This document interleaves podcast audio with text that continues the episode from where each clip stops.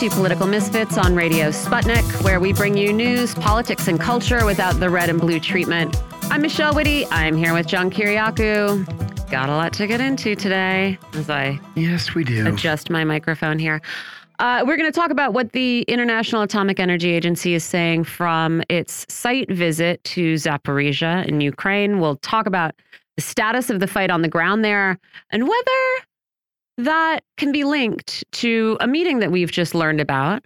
Uh, it didn't happen recently. It happened back in April Mhm. between Russia's foreign minister and the then president of the Council on Foreign Relations. We're going to talk about Facebook's new Twitter alternative. We're going to talk about this uh, lawsuit that is seeking to prevent U.S. officials from consulting with tech companies, and also, uh, you know, whether whether we're trying to shut the barn door after the horse is bolted, right? When you look at who is staffing these tech companies. That's right. I know there was a story yesterday. I think it was uh, yesterday about the incredible number of um, former, the incredible Mhm. number of uh, flow between the Biden administration and Microsoft in particular. Uh, but we've been looking at who exactly is uh, is sort of heading agencies at these different tech companies from the U.S. government, That's right. and uh, in Facebook in particular, lots of intelligence agencies. Lots. I think in Twitter And this was is not new. no, it's not new, right? And so, uh, sure. I mean, you take a look at what kind. You know, the, the Twitter files have given us a sense of uh, what this interaction between these tech companies and our government has been. Yes. But if everyone working in your trust and safety, misinformation, content moderation departments has just retired from That's the right. CIA, That's right. I don't know. Totally I don't know if you're going to be able to shut that door completely. So we'll we'll talk about that. Uh, we're going to talk about the labor market in the U.S. We'll get into what might happen as rents rise around the country. I can take a guess what that'll be. Yeah. Uh, we're going to talk about some bad poll numbers for Joe Biden. Nobody likes Joe bad. Biden. Nobody wants Joe Biden No. To run. Nobody well, wants Joe Biden. And there was a piece in Politico today, too, saying, you know, it's a shame Joe Biden is running because uh, Gretchen Whitmer really Yeah. wants to run and she would be strong. And uh, same with Gavin Newsom. He, he has a full head of beautiful hair and it's not gray and he's just itching to run. I'm not sure Gretchen Whitmer is itching to run. I don't know. I think she would be perfectly happy to be somebody's vice presidential nominee. Yeah, I mean, I don't know her. I'm not like a Michigan politics Sure. expert or whatever. This is just sort of what I keep hearing. Yeah. Like, yeah, she'd be, you know, the Politico article you're talking about, really like, uh, she, the Yeah. centrists audience lap Oh, yeah, her they're up, loving blah, Gretchen blah, blah. Whitmer. They love Gretchen Whitmer. I mean, of course, I love Joe Biden too, right? Like, maybe we, whatever. I, you know, I don't love the centrists. But uh, yeah, I don't know that she wants to. It's not like she No. came out of nowhere, Uh, right. right? She's been around. Surely she's been approached before. I don't know. Uh, we'll get into right. that. We'll also, I think we are going to talk about. Listen, this uh, this missing witness in this Joe Biden Yeah. uh, bribery allegation. I'm not going to say case because it's just this guy making allegations. He's popped up in a video sent from somewhere, probably Israel. And, you know, I was saying, we were talking about this before, like he's just sort of making some allegations, right? Yes. But th- the figure of this guy is also so odd. Yeah. He's like, he he does a bunch of work. He writes for these Chinese uh, state-funded media organizations. He's still writing for them. He was arrested for supposedly trying to sell Chinese weapons to the UAE and another country, I think uh, Libya, but I'm not sure. I remember off the top of my head. Uh, he had some think tank, and of course, you can always like be the executive director of a company that you made up that Sure. has one employee. Sure. But like, you know, he's he's not just a crazy person who who came up from the street and met uh you know some Republican congressman and said, "Hey, have I got a story for you?" And so it just all to me is very strange. I don't know why the Chinese he's, you know, saying he's trying to avoid another Russiagate, but this Right. time Chinagate. Please. But I can't tell if he means that's because I, I just don't know. I don't know because you are alleging that this Chinese control was there. So you're suggesting that Russiagate was real? It's all very strange to me. you know, and speaking of, And I don't know. Maybe it remains strange, right? Maybe there is no sort of method to this madness, or maybe somebody can make the picture make sense. But I just don't. I don't know why the Chinese haven't thrown this guy under the bus since he's basically suggesting they're trying to control the the Biden administration. Certainly, again, uh, you know, if you are hoping to avoid a, a repetition of RussiaGate, uh, the the guys who supposedly are under the control of China are taking bribes from China have come in and, and brought us closer than we've ever been to war with China. So you know, it's it's it is kind of a repetition. Sorry, John, I interrupted No, you. Probably okay. about to say something sensible. I was going to say that, uh, you know, we're seeing the same thing about these so called uh, Biden family whistleblowers. Uh, I mentioned to you before we started the show that um, that friends of mine had mentioned this press conference a few days ago that Congressman Comer had. Comer being the uh, the chairman of the House Committee on Government Oversight and Investigations, and uh, and Comer said again this morning that oh my God, we have this witness, and he's saying some incredible things about Joe Biden and bribery. Okay, lay it out. Tell us what Yeah. it is he's saying that's so incredibly powerful and important and damning about Joe Biden. But this is at least the third press conference that Comer has had Mhm. in which he's alleged that there is this explosive information out there that's going to bring down Joe Biden, but he won't tell us what it is. He won't tell us who's saying it, and he won't turn it over to the Well, FBI. it's this former Israeli colonel it could be. who's saying that he Exactly right. China was paying a retainer to, Yeah. to Joe and Hunter Biden or to Hunter and his uncle, I forget who, Great. but, and that he So tried to it tell people about it. Yeah. But now he's been. I just. I don't know. I don't understand. Uh, uh, I don't understand. But a, but I a, don't se- a day either. ago, he's all, he writes about de-dollarization. He had an op-ed in like the China Daily a day ago. yeah. So they're not. They're unconcerned about him. I don't. I don't know. It's. Listen, we got more strange tales to get through though, and I really, I, I'm going to focus now because I have two strange stories that I want to uh, to uh, highlight here. Um, the Chinese spy balloon. Yeah. The chi- well, we were told The spy, spy balloon. balloon. You got to call it a spy balloon. Do we have any evidence that it's a spy balloon? Listen, stop asking for unicorns and ponies. Uh, NBC in April. The Chinese spy balloon that flew across the U.S. was able to gather intelligence from several sensitive American military sites, despite the Biden administration's efforts to block it. This is according to two current senior U.S. officials and one former official. All right, so that's April. Yeah. Uh, Wall Street Journal a week ago. The Chinese spy balloon that floated over the U.S. early this year was loaded with American made equipment that helped it collect photos, videos, and other information, U.S. officials said. Uh, again, crammed with commercially available U.S. gear, like China couldn't just put their own gear in the balloon. Um, it was used, yeah, it, it was able to collect these photos and other data to transmit to China. However, while the balloon took in data during its eight day passage, it didn't appear to send that information back to China. So that's a week ago. Right. From the Pentagon six days ago. And this is in the BBC, which wasn't infected with the uh, the spy balloon Right. adjective curse. The Chinese balloon that crossed the continental U.S. from Alaska to the East Coast in February did not collect any information, the Pentagon says. So the U.S. took steps to mitigate what intelligence the suspected spy balloon could collect, officials said Thursday. I guess they just threw a huge tarp over that super sensitive site in Montana that we were all supposed to be very Giant concerned tarp. about. It went for miles. yeah, yeah, that, they mitigated it. Yes. Or they they sh shown some And let's not talk about the fact at that the top. balloon had no way of transmitting any information back to anybody. Yeah. So first, uh, it collected and transmitted the information. That's why we had to shoot it down with an extremely expensive missile and a bunch of other hobby balloons. then it collected the information, but it didn't transmit it, and now it did not collect the information. uh, but not because it wasn't a spy balloon, Right. but because of the giant tarp or whatever. Oh man. We jammed their signals somehow. Oh. I don't know. Yeah, but so right, we've we've walked this back so that Janet Yellen won't have to answer any uncomfortable questions in China, I suppose, Exactly. about this balloon. Exactly. So ridiculous. And also speaking of um of of China, I got to talk about this story in the Wall Street Journal. Yeah. This headline: Taiwan's impossible choice: be Ukraine or Hong Kong. Okay. Who chose those? Well, I why mean, do we have to choose? Why did? Why does Taiwan have to choose these things? Well, I mean, you It's know, because it's States either be this. subjugated like Hong Kong or fight valiantly like Ukraine. I mean, one, even if that is my choice, Right. why even ask? Of course, I want to be Hong Kong. Of course. Um, but uh, yeah, it tells us the island is split on what to learn from the Russian invasion of Ukraine. Should it resist or capitulate to any Chinese incursion? Again, like the assumption that there is going to be a violent takeover by China. So here are the two views it describes from the island. Um, to some, the takeaway of this war in Ukraine is that even a seemingly invincible foe can be defeated if a society stands firm. Others draw the opposite lesson from images of smoldering Ukrainian cities. Anything is better than war, they say.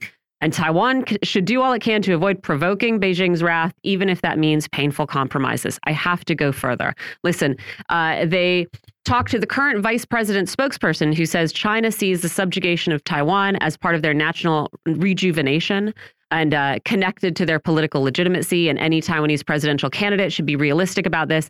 Uh, Ukraine has given Taiwan a brilliant lesson mm -hmm. into how to defend itself and to build coalitions with like minded democracies. I just feel Sweet. like it is inviting you to ask what have these coalitions done for Ukraine so far? They have sent a lot of weapons. They have sent a lot of money. Is Ukraine in the EU? No. Is Ukraine in NATO? No. Do we have any promises to that effect? No. You, sure, Ukraine is probably going to get some form of security assurance sure. from this this NATO uh, conference mm -hmm. in a mm-hmm. couple of days, but I don't know about that. Now, we're told Chinese leaders have watched with alarm how the Russian military stumbled in Ukraine, suffering high casualties and a series of setbacks, et cetera, et cetera. but there's no indication that Xi, who has already squelched the, et cetera, et cetera, has become less determined to take Taiwan because of Russia's difficulties. But the only That's people who are saying that Xi wants to take Taiwan are people in the United States and the American media. Yes. That's why the, the third way between Hong Kong and Ukraine is the status quo. Yeah. Where you let the, the people of Taiwan and the people of mainland China negotiate their coexistence. Exactly. Yes. But what is funny here is this is basically the only mention of Ukraine is brilliant example of self-defense. Right. China nervously watching Russia's right. military like, setbacks. Oh crap, look what's happening in Ukraine. Are you kidding me? Uh-huh. Really? If you lived in a place, would you look at what is happening in Ukraine and think, what a great example. That's what I want my country to go through. Mm-hmm. There's mm -hmm. no, it's purely delusional. It is. Ukraine it is probably going to be divided, permanently lose territory yes. to, to Russia at the end of this conflict. Yes. Like there's no indication right now that Ukraine is going to gain back any territory that it lost in any meaningful way. Yeah, right? I mean, I am I am I out of my mind? No, I agree. What level of delusion do you have to have to think, oh yeah, Taiwan would what Taiwan would really like is to be completely wrecked, to have a bunch of its soldiers and civilians die, and then be like two thirds of its size. Exactly. I mean, Come on. And again, who in their right minds would advocate for something like that? It's outrageous. This is a newspaper. This is a news article. It's not. In, it's a not paper of record. Piece. Yeah. It also the the entire uh, assumption here, right? The entire premise is that Taiwan needs to decide what it wants. Okay, correct uh, Taiwan has to prepare to defend itself fiercely. Okay, you know, correct, right? Like, sure, ha have a have a plausible defense to go into your negotiations with China with. Fine, and then if it does that, if it like builds up a sort of capable, non-laughable military, which it does not have now, then the U.S. will join in direct support. Huge maybe there, and then Taiwan will win and I'm just going to say steps three and four, very unclear, right? I mean, the US one has no policy to support Taiwan. You just have a demented man occasionally saying, oh, yeah, of course we'll go to war for Taiwan. I mean, how has that worked out for the Kurds? Yeah. Right? Oh I mean, my God, how many times have we turned our backs on the Kurds? Well, Hungary in 56, you know, I mean, uh -huh. you can uh-huh. want sure. whatever outcome you want there. Czechoslovakia in 68. How many times have we promised people, insinuated that we would help them and oh, then yeah. not stepped in? And then when, when the Soviets were poised to cross the border into Poland to destroy solidarity, Ronald Reagan urged all Americans to light a candle light a candle for the people of Poland. I mean, come on. Yep. And I remember again, that like it was yesterday. If you do get the United States to come in on on your side, well, what are we good at? We're like good at air supremacy. Yeah, we are. What are we going to do? What are we going to do on Taiwan, a teeny tiny little island, right. right. I mean, it's just insane. It is insane. It's so sad. People live there. And it's one thing to bomb Iraq back into the Stone Age, as uh, as uh, Colin Powell said back in the day. It's an entirely different thing to try to defend Taiwan against one of the world's premier nuclear and technological powers. Yes. I mean, on one hand, it's funny. On the other hand, these are people who are going to, you are putting other people in the line of fire, suggesting it's a good idea to bank on any of this stuff. Yeah. It is wild. And I hope that they don't have any influence in Taiwan, which of course they don't. Amen. I just had to get that out of my system, man. That is just, that's the level of propaganda that we exist within. Where Taiwanese leaders are looking at Ukraine and going, "That's what, better, better that than Hong Kong." Yeah. Unbelievable. Anyway, I know we have our first guest on the line. We'll save our, our conversation about Wither 702 for later. Sure. And and we told our, our listeners and viewers yesterday that Russia and Ukraine were accusing each other of mining the uh, nuclear power plant at Zaporizhia and planning some sort of fla false flag operation where, where the place would be destroyed and they would blame each other. The explosion was apparently supposed to take place yesterday. It didn't, of course. And now inspectors from the International Atomic Energy Agency, the IAEA, who are on site at Zaporizhia, tell us that there are no explosives there and there never were. Instead, it seems like what we were seeing was some sort of short lived propaganda operation. NBC News, and you alluded to this a, a, minute ago, this is very important. NBC News reported this morning that several former senior U.S. officials, former senior U.S. officials, held secret talks in New York last April with Russian Foreign Minister Sergei Lavrov to lay the initial groundwork for what could become peace talks between Russia and Ukraine. NBC says that Richard Haass, who until last Friday was the president of the Council on Foreign Relations, was accompanied by former National Security Council senior directors Charles Kupchan and Thomas Graham, both of whom are current fellows at the Council. The back channel, which is also called Track 2 Diplomacy, also included Mary Beth Long. Mary Beth's a friend of mine. Hmm. She's a former Assistant Secretary of Defense. There is no indication that anything substantive came out of these talks, and there's no indication that any further meetings were either planned or held. But they talked. Ukrainian forces bombed a site in Donetsk last night that resulted in what witnesses are calling a huge explosion. The Russian media report that the bombing in Makivka, Makivka, I guess. Makievka? Makievka? I don't know. Uh, I, will let I'll let Mark Sleboda correct me. Uh, hit a civilian target. Uh, that's what the Russians say. While the Ukrainians are saying that their military hit a Russian army base, TASS is reporting in Moscow that one person was killed and 68 were wounded. So we're going to talk about all this with Mark Sleboda. Mark, of course, is an international affairs and security analyst extraordinaire. Mark, welcome, welcome. John, Michelle, thanks for having me. It's always an honor and a pleasure to be with the political misfits. There are a couple of issues that I think are very important uh, today, Mark. Uh, let's begin with Zaporizhia. There was no attack, there was no explosion. Uh, the Russians didn't uh, launch a nuclear holocaust on Europe. And now the IAEA is telling us that literally nothing is happening there. So what is what did we just see? Was this dueling propaganda operations?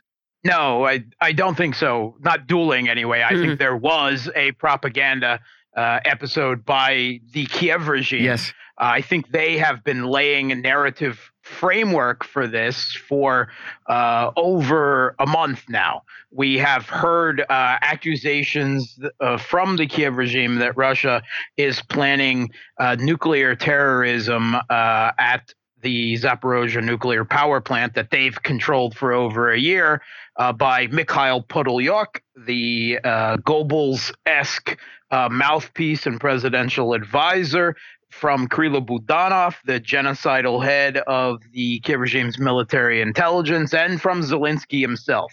They have been running, uh, they have been making announcements and warnings and emergency drills and handing out iodine tablets all over Ukraine. Oh it's my been a, God. a whole whole scale effort. It's has all basically been in play since the Kiev regime destroyed the Kakhovka Dam. That's that's how long this has been in play.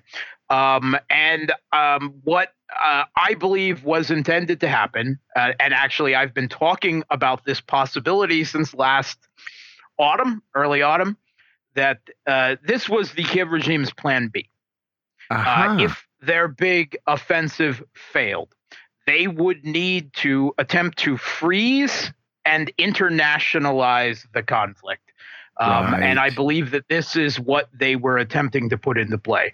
I believe that this this plan B was seriously being considered in the last few weeks as the Kiev regime's counteroffensive came up with a big, big fat zero. Yeah. Um, and uh, they're they're facing a very bad uh, political and military uh, situation. Um, I think that the original plan was for a two pronged attack on the town of Energodar, where the um, uh, nuclear power plant is located. Now, all of the, the reactors are now in cold shutdown, right? They've been in cold shutdown for a while. They still need cooling water cycled through to remove uh, excess decay heat, even shut down. The problem here is that um, the Kakhovka uh, uh, reservoir was the primary source of cooling water for right. the Zaporozhye nuclear power plant. Now, last autumn, the Kiev regime had launched several badly failed amphibious raids across the Kakhovka reservoir. They control the other side uh, to attempt to seize the Zaporozhye nuclear power plant. We reported on it at the time. Western media admitted to it belatedly months later uh, that it happened. Um, they removed this problem by destroying the dam and yes. emptying out the reservoir. It is now drying mud flats. I, the pictures of it I've seen don't even look like mud; they look like a baked earth. Wow. So the Zaporozhye nuclear power plant is getting uh, cooling water from a secondary cooling pond on the facility that uh, in the shutdown state has enough water there for months, uh, possibly up to a year, and it, it's possible to refill it and keep it going. Um, but I believe that the plan was to launch a two-pronged attack. Once across the now one across the now drying Kakhovka reservoir, giving us the explicit reason why the dam was destroyed. Um, there's a question of of how much heavy gear that that terrain could support. We don't know that. I'm not a mud expert. Um, and I, I, haven't heard from anyone who is. But at the very least, it could have supported a a large infantry assault. You know, um, special forces, Marines at night. Right. That that is a that could still have been done. The other was intended to break through the very tail end of Russian defensive lines around the the, uh, the eastern end of the former Kakhovka reservoir. Um, uh, unfortunately, the Kiev regime hasn't had any success there and was unable to break through there and swing around. So their attack failed. I mean, they, they, it could not be launched. If they could have seized the Zaporozhye nuclear power plant, then they could have instigated anything they wanted and blamed Russia for it. Right. And the Western media, of course, would have gone right with it. Uh, so then they had a plan C, if you will. Uh, and this is what Russian intelligence and the head of the Russian Atomic Energy Agency uh, has been talking about for the last week. Uh, plan C was to launch missile and kamikaze drone strikes at the Zaporozhye nuclear power plant. Now, the domes, the, the reactors themselves, they're protected. They've got co- steel reinforced concrete uh, uh, protective mm-hmm. domes mm-hmm, that mm-hmm. are supposed to be able to withstand anything short of a tactical nuclear weapon strike. Yeah, they're like feet thick, aren't they? Yeah, yeah, they are. Uh, but uh, it would have targeted what the Kiev regime has targeted before when they were shelling the Zaporozhye nuclear power plant for months last year. The cooling water pumps, the cooling water pond, the diesel generators, and the spent fuel containers where where uh, you know uh, waste fuel uh, is is stored. Uh, th- they actually have a fairly good protection there, but it's possible that that a, a penetration could have occurred. Um, now, I have also heard that the plan was that even if these strikes didn't manage to destroy anything, they were to be packed with the, either depleted uranium ammunition provided yes. by the United Kingdom. Yes. And or some other type of radioactive material, probably waste material. The idea here is that they would have at least raised the background level of automatic sensors around the plant, um, possibly tripping those off and uh, actually, the U.S. Uh, sent a, uh, a, a very specific reconnaissance plane into Europe in the last few weeks. Uh, that is a nuclear sniffer. Is basically what it is. Um, so they they were preparing uh, the groundwork for this uh, even there. Um, this would have been a simulated nuclear attack then, where they would have, uh, you know, tried to claim that Russia had done a nuclear terrorism and still, uh, you know, with the attempt to freeze and internationalize uh, the conflict. Mm -hmm. So for Uh, and during all of this, they were blaming Russia, yes. right? They were laying the groundwork. Not, Russia was planning this. Right. Very specifically, they said that Russia had mined the cooling water ponds and the cooling water pumps. Now, the International Atomic Energy Agency has an observer mission on the ground in the plant for over a year. And they put out a report last week that was originally ignored by the Western media after Zelensky started making these accusations personally that Russia had mined the perimeter around the plant and the approach to the plant, right, for defensive purposes. Now, they didn't like that but it, it no they said specifically it in no way affected the safety function or operation uh, of the plant in any way. Uh, and they said specifically that the claims that russia had mined the cooling water pond and the cooling water pumps were false. And the director of the iaea himself was there uh, a few days before the report was issued rafael grossi. Mm-hmm. and he spoke to this over the, the weekend on france 24 so I don't believe that the Kiev regime was getting the the narrative support that they wanted. And and to be fair, if this plan C was all they had left with, right. it was kind of a Hail Mary play with very little possibility of operational success. So I believe that Zelensky was talked out of this by several European leaders. That's the chatter. Uh, temporarily at least, it's something that could still be put into play if things go further south. But it, it seems, for the moment at least, as of speaking, that that that this uh, crazy uh, nuclear scorched earth policy uh, has been has been put at least on hold. So, track two diplomacy that is, using otherwise private citizens as secret emissaries is the norm in foreign policy. At least that's been my experience uh, through throughout my government career. Um, on several occasions, I was tasked, for example, to brief secret back channels to uh, to Saddam Hussein. Uh, these were people, private citizens, being sent to pass Saddam Hussein a, a message from whatever president happened to be in office at the time. Should we be surprised that Richard Haass, of all people, the darling of the neoliberal foreign policy uh, establishment, was tasked with meeting with Foreign Minister Lavrov in New York in April? Okay, so I mean, uh, technically, if this had occurred, it would kind of be track 1.5 diplomacy, I think. Right, which is also a thing. They would have, yeah, yeah, they would have been meeting with an official on one side. Right. Okay, so the Russian government is denying that these meetings ever took place. Zakharova is saying that this is disinformation, that these meetings never took place. That's that's the latest out of the Russian government on this. Uh, so the question is, these are supposedly secret meetings. If they took place, why are they being announced? Why are we being told about it on NBC News? Obviously, they're not secret. It's I a, mean, it's that, a leak. That, the, yeah, it's a leak to to to pressure the Russians. Exactly. That's that's what I, I think. I think it's entirely possible. Lavrov was in New York over the month of April when he was Russia was chairing the the, the uh, UN Council. Security Council, right? And it's entirely possible that that Haass he was still heading the CFR at the time right. could have met Lavrov at any number of venues that were not a specific meeting and engaged him on this. Right. And now they're trying to present this. So I see this as a sign of of of real desperation uh, starting and cracks starting yeah. to appear in the Biden administration. And they're leaking this now because they're trying to push Russia into diplomatic talks and negotiations because of how badly the Kiev regime's uh, offensive has failed. And I have to say, Russia has no reason to engage. That and and that's yes, that's my next question. You've been very consistent on this issue, and I ask you this every time we have you on the show.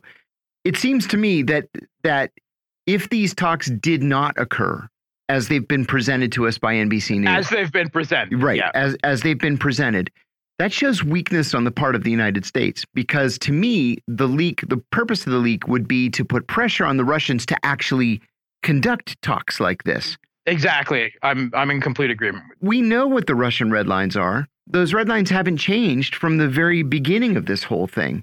Um, we know that there are no real prospects for formal talks because both sides have made that clear, especially the United States. So why why even continue on with the charade that the West wants talks? Talks to achieve what? I, I think the eventual goal would be some type of undeclared armistice, right? Right, right. It's, it's quite obvious that the U.S., if this offensive fails, needs a ceasefire of some point. Right. Right. Russia has no but why? Why would Russia agree to this? They're winning. They have forces all geared up for a major offensive after they blunt the counteroffensive. And the, the U.S. and and and uh, NATO keep screaming that as soon as the conflict is over, Ukraine will be brought into NATO. And as soon as the conflict is over, we'll give them F-16s and we'll pump so many weapons into them again. Why would Russia give NATO any time to ramp up their in their military you know retool yeah. their military industrial complex and rearm Ukraine and allow them to train up new militaries it's it's absurd Russia has absolutely no reason and they've got no reason after the deception of the Minsk agreements, after the U.S. has pulled after treaty after treaty, uh, after the even the, the February 21st, the sham of the February 21st agreement in 2014, Russia has no reason to trust anything that's signed by the regime in Kiev or the West. Um, if if the Russian go- government does go with that, they're fools, right?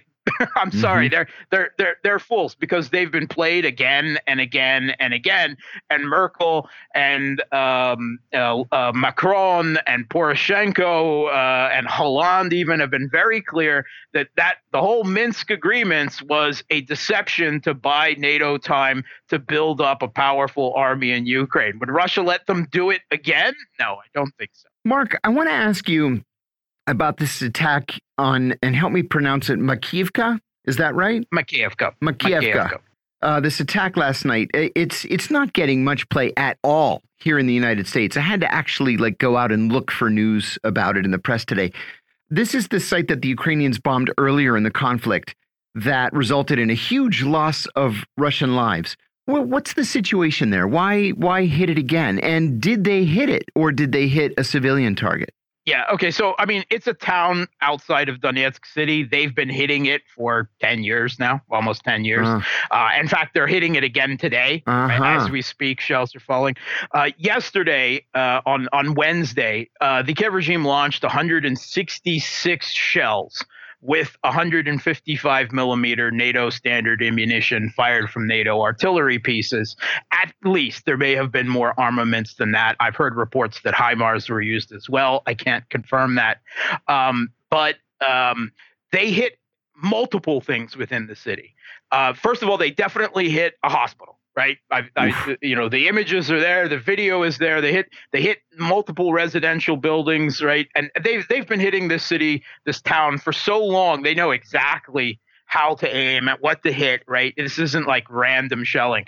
But there was also a large explosion uh, that was uh, one of of three possible things. Okay. It was either an arms depot, it was a fuel depot, um, or it was a, uh, a an arm like uh, um, a bad shell disposable area uh, area, uh, you know, for bad armaments. I've heard all three. I don't know which one it is for sure.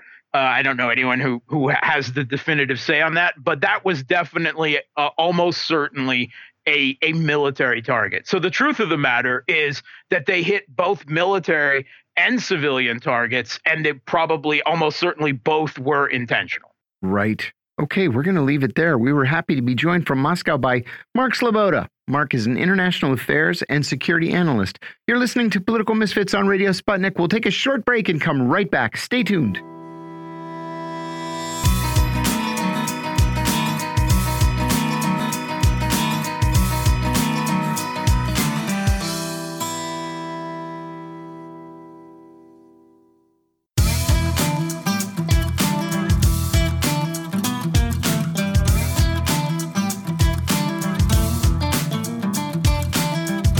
Back to Political Misfits on Radio Sputnik, where we bring you news, politics, and culture without the red and blue treatment. I'm Michelle Witte. I am here with John Kiriakou. We're going to talk about social media. We're going to talk in detail about this uh, lawsuit and this injunction uh, that came down from a judge on Tuesday, blocking yes. uh, Biden administration officials from collaborating with, consulting with tech company officials with some specific carve outs. We're also going to talk about the muted reaction to the French president saying that perhaps the country should consider shutting down social media in uh, times of unrest. And we'll ask about uh, the fate of Facebook's Twitter alternative threads, which I mean, I, as I walked it this morning, it was everybody going, this is pretty crappy. And I don't want my Instagram like my Instagram people are not the same as the people I want to interact with on a site like Twitter. But then I see Zuckerberg is saying that it already has 30 million users. So who knows? Wow. Perhaps its fates it 12 million um, yesterday, 30 rosier million today. than they look uh, on first blush. Joining us to break all this down is Chris Garaffa. They're a technologist and co-host of the Covert Action Bulletin podcast. Thanks for joining us, Chris. Oh, so great to be back to talk about all this. Thank you. So this lawsuit was brought by the attorneys general of Missouri and Louisiana against the federal government in 2002, uh, sorry, 2022. Uh, accusing them of asking and or pressuring tech firms into suppressing speech that should rightly be protected by the First Amendment. That is what they say. Uh, the judge on Tuesday issued a preliminary injunction against the federal government so he's he's taken the side so far of the uh, plaintiffs here and blocked several federal agencies and their employees from meeting with social media companies for the purpose of urging, encouraging, pressuring, or inducing in any manner the removal, deletion, suppression, or reduction of content containing protected free speech, which is too many synonyms. Uh, there remain carve outs for the government to continue to communicate with these companies about things like criminal activity, foreign election interference and cyber attacks. And I want to get into you know whether this is uh, too little too late but i did want to ask you first of all if you can talk about you know what what is being focused on by these plaintiffs and by the judge in terms of objectionable actions because the the vague impression that you get is that this is about sort of conservatives who are mad about covid narrative shaking but of course, you know, the Twitter files most recently showed us members of government attempting to have whole lists of accounts shut down for for nothing to do with whether you were pro or anti-vaccine, um, but for supposedly being inauthentic. And right. the proof of inauthenticity was sometimes being an American account that shared articles that were favorable to Russia. Um, and so I, I, wanted to ask, like, is this just the impression that we're getting because these mainstream outlets kind of are ignoring the meat of this, or is this mostly, at least so far, about COVID? Well, a lot of this certainly is about COVID and, you know, how Facebook and Instagram, I believe Twitter as well, and other sites were putting up uh, warning labels or, or, notices on posts that even mentioned COVID or vaccines, mm-hmm. not not even you know necessarily false information, but they would just label anything that talked about a vaccine or COVID and say, you know, click here to get the latest information about you know the COVID pandemic and vaccine information and all of that. Um, but this this judge Terry Doughty, I mean, the Trump nominee for the Western District of Louisiana, and you know, some of the people named on on this, uh, you know, in this lawsuit, you know, are people who spoke out very. Uh, very clearly against COVID lockdowns. And I, I, always laugh a little bit because we really didn't have lockdowns in this country. The United States did not have lockdowns. You could you need to look at China or Italy or you know New Zealand, some other countries even to Canada. look at how you know the lockdowns. Yeah, even Canada. Right, right. Just you know not being able to go to a bar is not a lockdown. Uh, we should just you know be clear about that.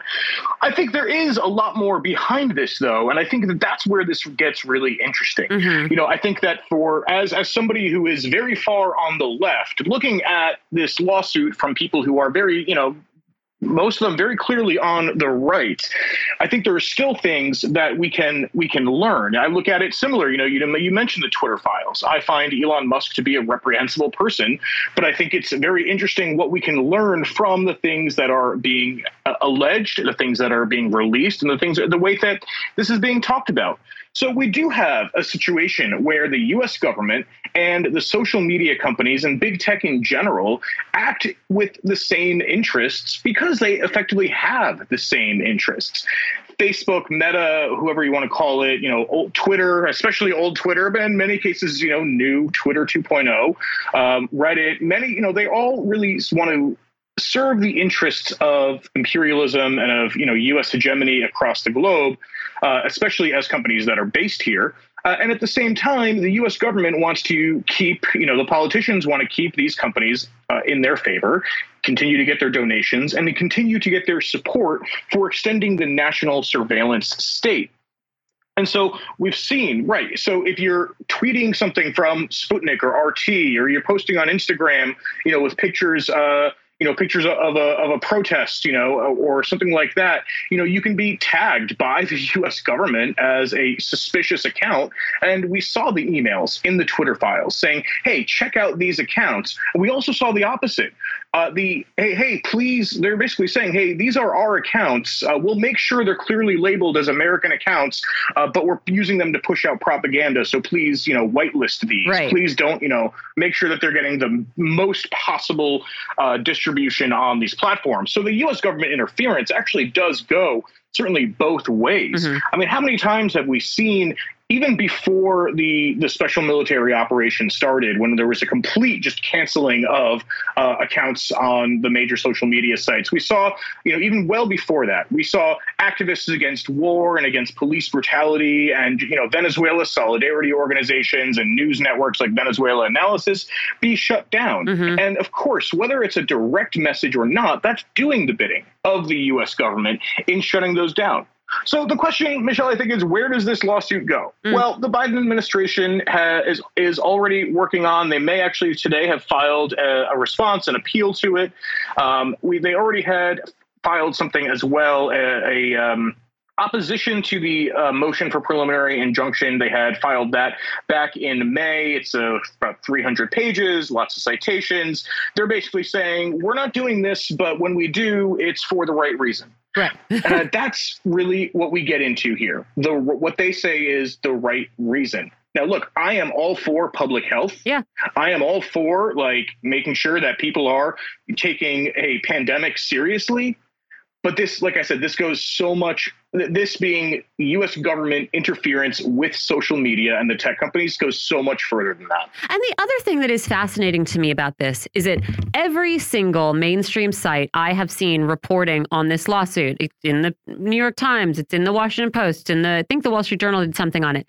They all talk about how this is going to have a chilling effect on disinformation research, right? Efforts to fight misinformation. And that certainly, I guess, could be an outcome, but it invites us to to recall the origins of the sort of misinformation industry. And the Washington Post says it outright in uh, almost identical paragraphs in two uh, stories on two different days about it. I, I picked one. They say over the past five years, Coordination and communication between government officials and the companies increased as the federal government responded to rising election interference and voter suppression efforts after revelations that Russian actors had sowed disinformation on U.S. social sites during the 2016 election, then the coronavirus pandemic, et cetera, et cetera. So this the misinformation industry, sure, I mean, there were researchers beforehand. Sure. But this thing exploded after Russiagate. Russiagate from what we can tell, was created it was all made up by officials in the government. So this is a, I mean, I think that people are, are right to have some questions about whether we should really see the the online disinformation industry as separate from what was a huge hoax and how concerned we should be about it.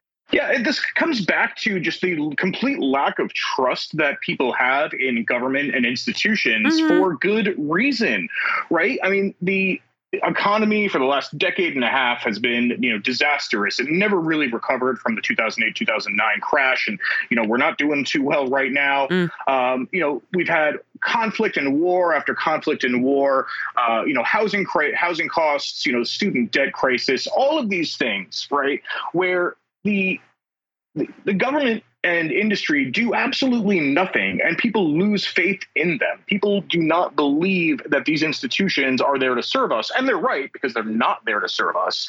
So then, of course, they're going to not believe it when it comes to you know something real like public, you know, a public uh, health crisis mm-hmm. during a pandemic. And that's, you know, it's the fault of this entire system that we are literally in a position where you can say the sky is blue. And if Joe Biden goes up on a mic and says that, you can say the sky, Joe, he can say the sky is blue, and people will be like, no, it's not. Or Donald Trump could do the same thing. And people on the other side will say no it's not blue. Because they don't they don't want to believe anything that somebody in a position of authority is telling them. This distrust and disintegration of trust in the system which is well deserved and well founded has led us to this situation. And so you're right. I mean russiagate was entirely made up by the government. I mean hillary clinton and her team basically at the dnc basically said we're just going to blame russia for this and yeah. find a way to make this russia's fault fault when when when when Hillary lost. That's where that all comes from. Yeah. We look at you know who's doing the disinformation research. I mean, Facebook famously partnered with the Atlantic Council, mm-hmm. which is a who's who of NATO to talk about you know so-called disinformation. So I think there's a, a need for real disinformation research. There's a need for all of these things, um, but we can't trust the current system. I don't care, Democrat or Republican, which side, centrist, moderate, whatever you want to call yourself. This entire system has, has gotten us socially to a point where it's impossible to trust. Yeah, and the current people are, you know, the, the current disinformation industry, I would say writ large, again, arose to sort of promote a hoax and uh, you know arose sort of as part of a collaboration with the with the U.S. government, and it, it seems to me very silly to to pretend that's not the case and treat treat these as as definitely distinct entities, right? And I'm glad you mentioned um, Meta. I, I, wanted to talk about uh, Threads and how how Threads is going this morning. Uh, you know, I, I, got the alert last night, Michelle. I jumped on it. I claimed my account. Uh, I'm a little underwhelmed right now mm-hmm. Uh, by it. Uh, I mean, first of all, you have to have an Instagram account. So you have to have Instagram on your phone. You have to have an account, an active account to to use it. Uh, and so that's um, that's one problem, and it's tied to your Instagram account. When you sign up, it says, "Hey, let me you know. Do you want to follow all of the people on? Do you want do you want to follow on Threads all of the people that you follow on Instagram?" And I'm like, "No, no. I really. You, know, you said it earlier. That's the like, whole point. No, I, I don't. Yeah. and I don't want them getting. And so now I'm actually I'm getting notifications even as we speak. You know, this person is following you on Threads threads. I'm like, who is this person? And it's somebody who I met years ago who follows me on Instagram. Yeah. And I'm like, oh, that's fine. But that's not what we use a you know no, Twitter for. It right? turns out people we don't always want to listen to the people we like to look at. Let's just put it that way. exactly. Right. You know, if I want to look at your lunch, I'll follow you on Instagram. Uh-huh. If I want to see what you think about politics and get your hot take there, I will follow you on Twitter. Mm-hmm. That's kind of you know how I look at this. But people are loving it. I mean, look, Instagram has a million. Uh, I'm sorry, a billion monthly active users as of a couple months ago, the latest uh, I can find. A billion monthly active users on Instagram. So I'm not surprised that there are tens of millions of people who, you know, saw the hype for this app, uh, downloaded it and set it up because you didn't have to create a new account. It's tied to Instagram. Mm-hmm. But that's the problem. It's tied to Instagram. yeah. It's tied to Meta. It's tied to Mark Zuckerberg. I mean, people who are celebrating, oh, this is a breath of fresh air, you know, come back in six months and, and talk to me when it's full of ads and yeah. you know posts yeah. are getting taken down for speaking out against censorship. Chris, I want to ask you a question. This is from the uh, the terms of use of Threads. I, I pulled it out today. Uh, if you uh, if you start up or claim your your Threads account, you have to agree to turn over to Meta information on your health and fitness, financials, contact info, user content, browsing history, usage data, diagnostics, purchases, your location, contacts, your search history, identifiers, what's called sensitive info, and undetermined other data. Why in blazes would anybody agree to do something like that? Because this is how the network effect works that john because you know that's i saw that too and you know i made sure after i installed the app i went through and said this has access to none Nothing. of those things. Uh, but by default by default it does. I mean you know apple and google basically make you when you're uploading an app to their app stores right they make yes. you check off like they ask you, you know what are you what information are you collecting? And meta basically just said yes to all everything of this, uh, on on mm-hmm. this. And that's probably because they are collecting you know a lot of this stuff. But you know, it's the network effect. People are so tired of Twitter right now. Yeah. Um, and you know, Bluesky hasn't really taken off because it's invite only, and that's the social network you know made by uh, Jack Dorsey, the original uh, founder of Twitter. Mastodon, the Fediverse, so to say, is still a mess and very confusing.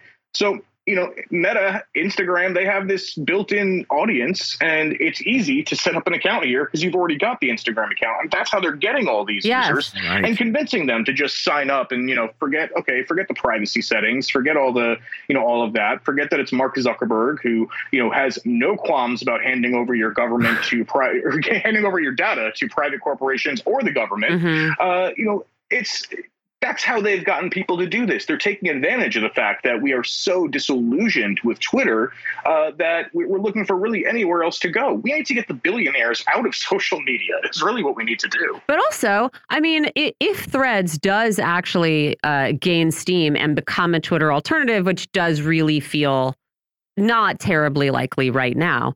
But that's sort of what I think that completes the the monopoly, right? I mean, of all social media enterprises that the US government isn't actively trying to shut down, right? So I know TikTok is extremely popular, but Meta owns Facebook, Meta owns Instagram, and now Meta's going to own if it has its way, the Twitter alternative. And it's also worth pointing out. I mean, John and I were talking at the beginning of the show about how about the um uh, the hallway from government to tech companies. Uh, and a monthly review story from a year ago called out Meta, Facebook, as uh, actually dwarfing the others in the scale of what it termed as infiltration, uh, saying that all of its most sensitive agencies, like the sort of trust and safety, content moderation, the places where people are making decisions about what can and can't be said, are staffed by former CIA officers. And so it, it, it feels a little concerning, right? Even if you bar currently serving officials from talking to these tech companies. If you're uh, submitting your resignation letter at the CIA and two weeks later going to work at at, at uh, Meta or at Threads in uh, content moderation and, and misinformation, I mean, I don't know how confident I feel in your objectivity. Yeah, exactly. You don't even have to be sent in undercover anymore. You just, yeah, right, resign and go and move over. Uh, you're talking about this great article um, from Alan MacLeod uh, from July of 2022 that was originally on Mint Press News. We actually had him on uh, the Covert Action Bulletin podcast last summer to talk about this very thing. And, you know, who are these ex CIA agents and others who are deciding, as he says, deciding Facebook's content policy. Mm-hmm. And it's person after person people from the CIA, but also if you look into it, people from the State Department, people from various other government agencies who are going into uh, Facebook and into Meta and other social media companies and big tech in general, we should say, talking about content policy, but also uh, working together, you know, working with the government. You know, uh, government coordination is the name of some of these uh, you know some of these positions that they get. So really fantastic article. So people should definitely check it out from July of last year and check out you know the episode that we the interview we did on the bulletin uh, with Alan. I also want to ask uh, what you make of French President Emmanuel Macron suggesting this week that France needs to at least consider shutting down social media sites in times of unrest. Of course, these remarks follow nationwide protests and a sort of explosion of violence following the death of a teenager at the hands of police that people were quite rightly very upset about. Uh, but uh, yeah, I, I feel like you know, I, I, feel like this might be a little instance of a European leader getting to say something and sort of having it, it, float away into the ether. Whereas if, I don't know, a, an official enemy talked about shutting down social media websites, we'd be all over it. Yeah, you know, really interesting the comments that have uh, have come out. You know, even uh, from those in various parts of the opposition to Macron in France. Uh, you know, some of them saying, "Oh, what are we? Are we Korea? Are we China? Mm-hmm. You know, Russia?" Well, no, you're France. Mm-hmm. I mean, that's you know, you have a, a, French leader talking about this. This is not Korea. This is not China. This is France. Uh, you know, I, I, hate when people say, "Oh, it's you know, doing something authoritarian like that." Mm-hmm. Um, you know, and there you are. Yeah. You know, it's like it's not one of those countries. Yeah. No, it's it's certainly a threat. There was a rumor uh, and a fake document that circulated earlier this week about the closure of the internet in general in France. Turns out that was a fake. This actually is true. These are real comments that they're considering uh, what effectively seem to be targeted, geolocated social media shutdowns. I'm very curious as to how they would do that. It would have to be done mm-hmm. on a relatively large scale uh, and in coordination with local telecommunications and internet service providers. Um, but no, it's showing that these so-called Western democracies can, you know, will shut down internet access. They will shut down, you know, free speech and free free expression when they feel threatened, because this sustained, you know, rebellion uh, against police terror and racism in France is threatening the entire French establishment at this point. Yeah, I also feel like maybe France could take a lesson from the US. You don't have to you don't have to shut them down if you just lean in and staff them entirely with with your people. Maybe that's the trick. Chris Garaffa, we always really appreciate your time. Uh, what are you getting up to over at the Covert Action Bulletin these days? Uh, we've got a great interview that just released uh, this week with uh, a New Zealand based activist talking about AUKUS, the dangerous uh, partnership between Australia, the United Kingdom, and the US to provide Australia with nuclear powered subs. Let me ask you a question, Chris. Do you suffer from the same malady I do, which is whenever I'm talking to a person from New Zealand, I, I instinctively want to mimic their accent because it's so fascinating. They do this sort of reversal of vowels. Well, it's the internet, you know. Do you do you do that? No, or I started you... saying Z. I did start saying Z instead of Z. So. All right. Thanks for joining us, Chris. Really appreciate it. Thank you. I still really like the, the, the, misinformation research thing. It really does get to me. It's like, well, come on, these are not separate entities, right? No. These are all people who, this is sort of the, the private industry front line to defend whatever government line that they've been given. And I don't know, I'm not going to suggest that it's as overt as all of that in every case. Yeah. But, uh, you know. I remember right before 9 11, my boss at the agency resigned abruptly to take a job as the director of security at Microsoft. And that was the first time I had heard about this pipeline. And mm. then I realized that everybody was doing it. Yeah. And they were all getting rich. I mean, because what do we do really, really well in the United States? It's not provide health care to our citizens. Yeah. It's not uh, help people have homes or have happy lives. It's That's not right. anything to do with the pursuit of happiness, but no. we do really good propaganda. Yeah. We sure do. We are the masters at that. I don't know how because we're not subtle, but uh, that, that's what we've got. And uh, yeah, I think this is how this is how they do it. All right, we're going to take a quick break here. We're going to come back and talk about uh, wages, rents, UPS, and just how huge it is, uh, and a whole lot more. You're listening to Political Misfits on Radio Sputnik. We're live in DC, and we'll be right back.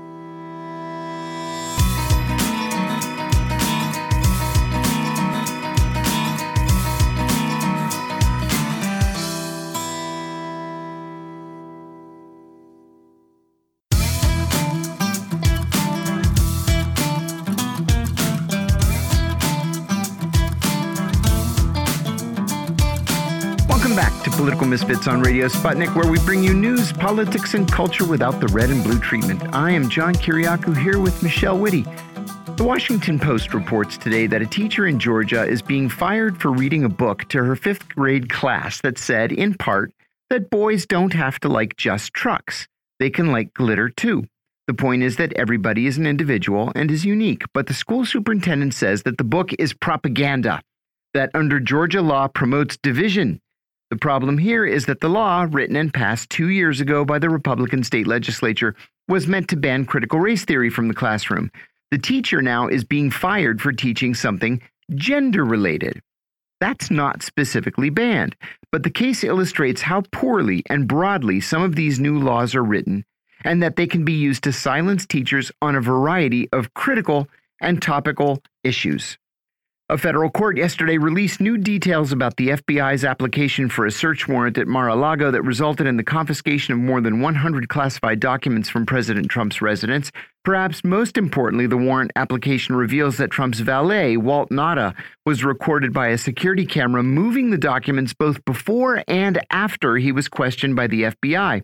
If proven, that in and of itself would be felony obstruction of justice and possibly conspiracy.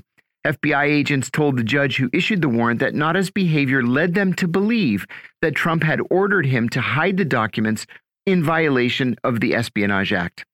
Talks between the Teamsters Union and United Parcel Service broke down early this morning at 4 a.m. They were talking until 4 a.m., significantly raising the chances of a nationwide strike that would begin on July 31st and which would have serious implications for the economy.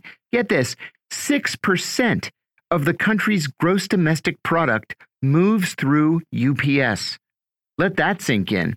Both sides said today that they have not walked away from negotiations, but they're at an impasse and no new talks are planned. UPS has 340,000 employees in the United States. New York City, already one of the most expensive housing markets in the country, is in the process of raising rents after the panel that sets them for rent stabilized properties approved a hike of 3% last month.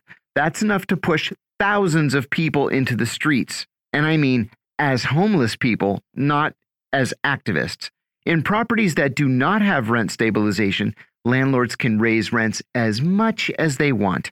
And with increases coinciding with the end of COVID housing protections, homelessness is poised to surge. And five Democratic members of Congress from Virginia have filed an amicus brief in support of the Southern Environmental Law Center and the Wilderness Society's lawsuit to prevent the automatic approval of the Mountain Valley Pipeline. The Congress members argued that the Mountain Valley Pipeline, the construction of which was tucked into the most recent budget, would stretch 300 miles through Appalachia, would damage hundreds of streams, foul acres of wetlands, and force the confiscation of private property from Virginia's families. The Congress members had tried to strip the provision out of the budget but were blocked by House Republicans. Robert Hockett is Edward Cornell Professor of Law and a Professor of Public Policy at Cornell University in New York, and he's the Senior Counsel at Westwood Capital, in addition to being a Fellow at the Century Foundation. Robert, welcome back. Always great to have you. Hey, John, great to be with you again. Always love it. Thanks for joining us, Robert. And I, I, wanted to begin in Georgia. One of the things that I learned when I worked on Capitol Hill was just how poorly bills are normally written. Usually they're slapped together by lobbyists they're amended by every Tom, Dick, and Harry congressional staff member in Congress, and then they're voted on. They rarely do what they were originally intended to do. Pretty much every law in the books uh, has has the ability to be challenged in court. Explain to us what's happening in Georgia. The state legislature there tried to ban critical race theory, but the law was so broadly written that teachers are now self censoring and they can be fired or even prosecuted for things that hadn't even occurred to them. Yeah, I think there are a couple things might be worth noting here, right? The, the, first is that, of course, we're in the midst of a, of a kind of a, a high point, I think, in sort of, um, how should I put it, um, maybe demagoguery on, you know, certain non-issues that are treated as issues by various politicians. And since politicians are technically elected to pass laws, I guess it's not altogether surprising then that the demagoguery is finding, um, you know, finding expression in laws that are being passed. And these laws are being passed, I think, by and large, without a view to their actual administratability or without a view to what kind of sense, if any, they might make. Um, it's more a matter of, of, in effect, kind of posturing, right? It's a, it's a kind of symbolic form of legislation, or legislating with a view to kind of communicating a, an identity to the public rather than actually you know, laying down rules of behavior that can be followed and enforced and more generally administered.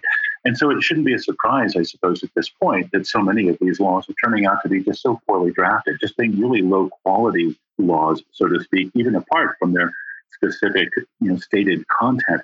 Um, the good news here, however, is that you know any law, of course, is subject to stricter scrutiny on Supreme Court review if the law seems to chill uh, or just directly prevent uh, the exercise of constitutional rights. And in this case, we're talking about First Amendment rights, which are pretty much the gold standard when it comes to sort of um, protectedness or protected status.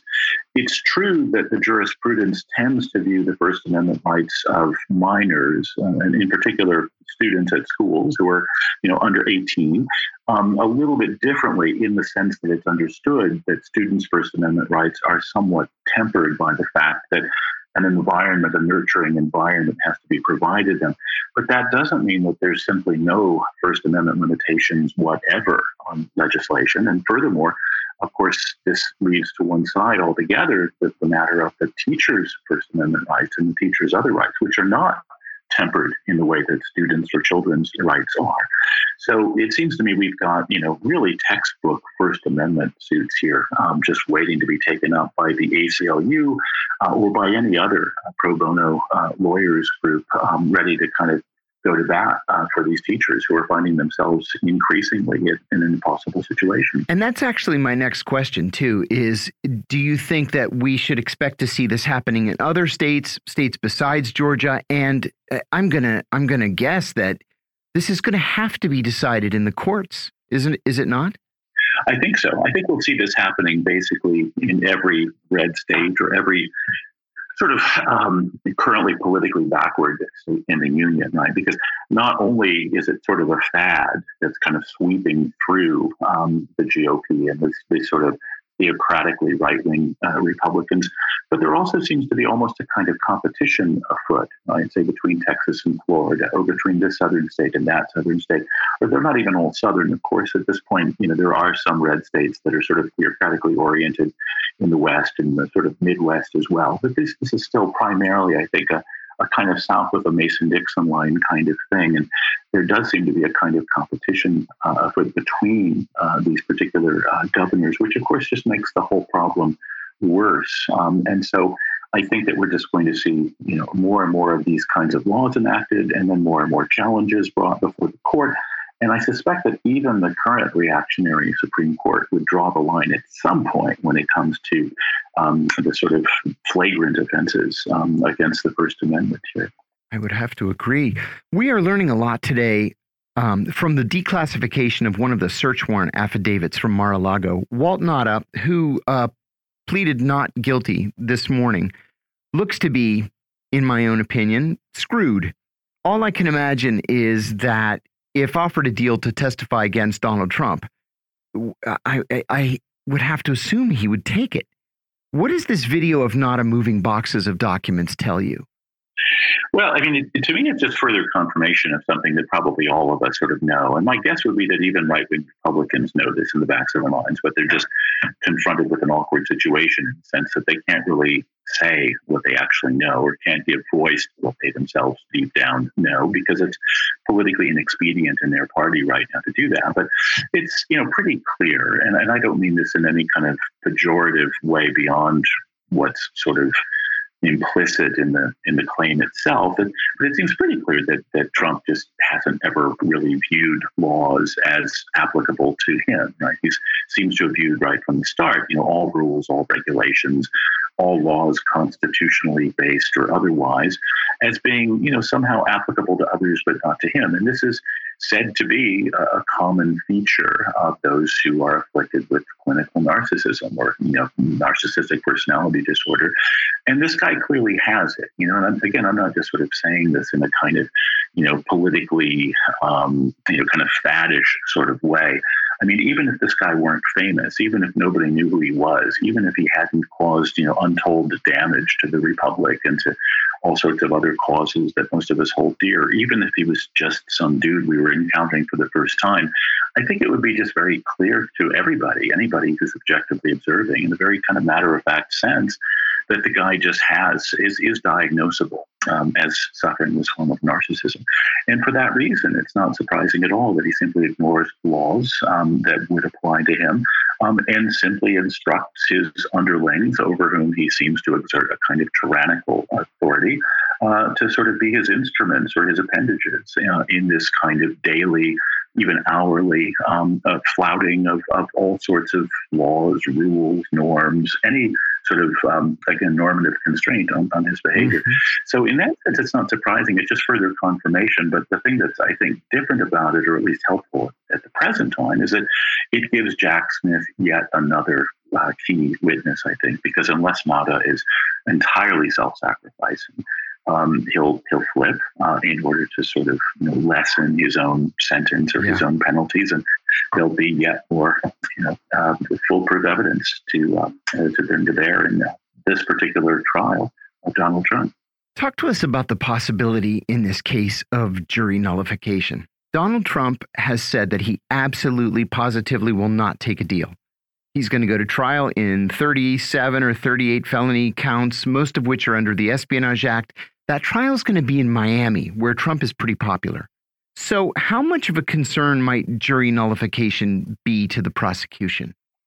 There might be some concern, but I think there are. I mean, maybe I should rephrase that and say, I mean, there is, of course, some reason uh, for concern, but there is also, you know, there are at least several reasons to be less concerned than we might otherwise be. Huh. The first is that the rules on jury nullification have changed over time, particularly since the uh, O.J. Simpson verdict, which seems to have been a bit of a wake up call uh, to many folk um, when it comes to the capacities of juries to nullify. And that's kind of ironic because it seems to me that in that particular case, O.J. Simpson did have a good case not necessarily for his innocence, but for you know to, for the claim that the, the police were you know all too willing to sort of frame him so sure. that they were procedural effects. But nevertheless, right, that that nullification shocked so many people that it did bring about some uh, a, a, growth in efforts to sort of restrain the capacity for that to happen. A second point is that um, no, you know, remember that the grand jury itself is from the same vicinity, right? It's from the same area. That's a good um, point. The, right. Right. And the and the only way that the case could have been brought would have been for a grand jury to say, yeah, there's reason for suit to be brought. So it can't right. be the case that, that it's pro Trump there. I mean, that you would have had grand jury nullification if this were a serious problem um, before you even got to ordinary jury nullification. And then finally, thirdly, uh, it's worth keeping in mind that this is just one of what is going to be a very large number of criminal indictments against Trump. This is just the tip of the proverbial ice, ice iceberg, right? I mean, he's likely to be uh, prosecuted by the state of Georgia. And he's likely to be prosecuted by the state of Arizona.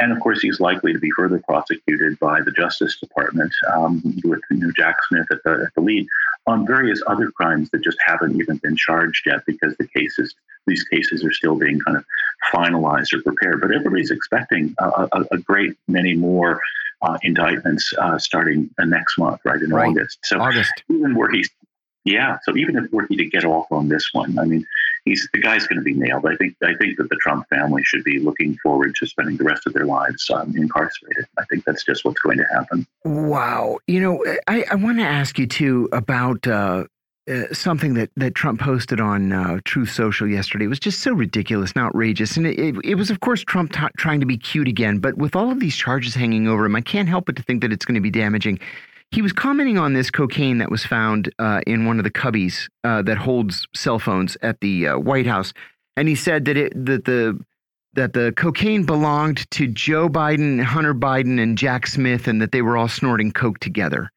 Now that, that's just stupid and gratuitous, and and like I say, he was trying to be cute. Mm. But these these childish outbursts have to hurt him over the long term, do they not? I mean, sorry, I just they haven't.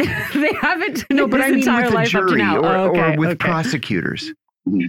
Yeah, I mean, my guess. I mean, it's just it's just another, just you know, yet another data point uh, in a, a, a, huge multitude of data points that lead, you know, I think more and more people simply not to take the guy uh, seriously. And it's, of course, it might be another instance of this classic form of projection, um, or this this sort of strategy that seems to have been a, a Trump strategy for decades now, which is what is that you essentially accuse your opponents of doing precisely what you yourself are sort of saliently understood either to be doing or to be associated with. Mm-hmm, and mm-hmm. of course, all you have to do is you know go on YouTube and search on Donald Trump Jr. and you'll find countless videos in which Donald Trump Jr. is clearly on cocaine. Yes, he's clearly snorting. Yeah, it, it's an ongoing joke in New York. Yeah. It, it's it's been kind of a you know a meme for ages mm-hmm. now, right? So of course, you know, the father of this guy is going to accuse the son of somebody who's his opponent of essentially doing the same kinds of things that his own son does while pretending his own son doesn't do them. And then just for good measure, he'll rope in you know, the guy's father as well. I mean, Joe Biden has problems enough, right, without having to sort of suggest that he's a cokehead, which is just, I mean, even to say it is to is to is to find oneself laughing almost the moment one says it. So it's just another bit of unseriousness from Trump and a, a life that's been nothing but unseriousness. I want to turn, uh, if we could, to the possibility of this strike at uh, the United Parcel Service. The business press has been warning us about this for quite some time now, and honestly, I didn't realize how critical UPS is to the national economy until today. 6% of GDP goes through UPS, and the company employs 340,000 people just how much of a hit would a strike be to the economy? Is it is it possible to quantify it? It is possible to quantify it, and I think you've made a really good first step at it simply by pointing out um, that that which passes through or that which is transported by UPS uh, is essentially a transaction volume that amounts to about six percent of GDP, which is itself a measure of you know aggregate transaction volume. So it's very significant, but it's even more significant when you connect it up with the resurgence of labor in all manner of additional realms, including realms that have not up to this point been heavily unionized, right? So companies like Amazon and Starbucks, of course, are the poster child companies for this new uh, development. And I think it's wonderful because what we're going to see is finally, you know, after many, many, many decades of essentially the destruction of the labor movement and the um, complete contempt for and whittling away um, of, of concern for the interests of the 99% of Americans who earn their living through wages or salaries, we actually finally see a kind of a, a rebalancing underway. And to me, the real question is can we keep it going and can we even further strengthen it by, first of right. all, strengthening labor law, and second of all, um, strengthening enforcement of labor laws, and then perhaps thirdly, even having the, the federal government take a proactive role in promoting the spread of unionization to industries that thus far haven't been unionized. It's kind of fun. You, you probably notice anytime there's good labor data, right, that basically demand for labor continues to be robust and the unemployment rate continues to drop, you see the stock market fall. Right. And people say, oh, that must be bad news, right? Because essentially capital or the interests of capital have succeeded in making most of us think that the performance of Wall Street is a proxy for the performance of the economy as a whole or the well being of all of us. But it's quite the opposite of that. It seems to me that if the 99% are benefiting by something and that it's precisely under those circumstances that you see the Wall Street uh, folks complaining and the stock market going down, that should be an indicator to everybody um, that there's a class struggle underway, right? And it should be an indicator as to who's your friend and who's your enemy mm-hmm. in all this. And my guess would be that nothing, you know, 99% of us would perhaps rather see our wages and salaries grow than to see the stock market rise yet, yet further. Yeah, I think you're exactly right about that. President Biden has intervened in planned strikes in the past, actually, in the recent past, especially related to transportation.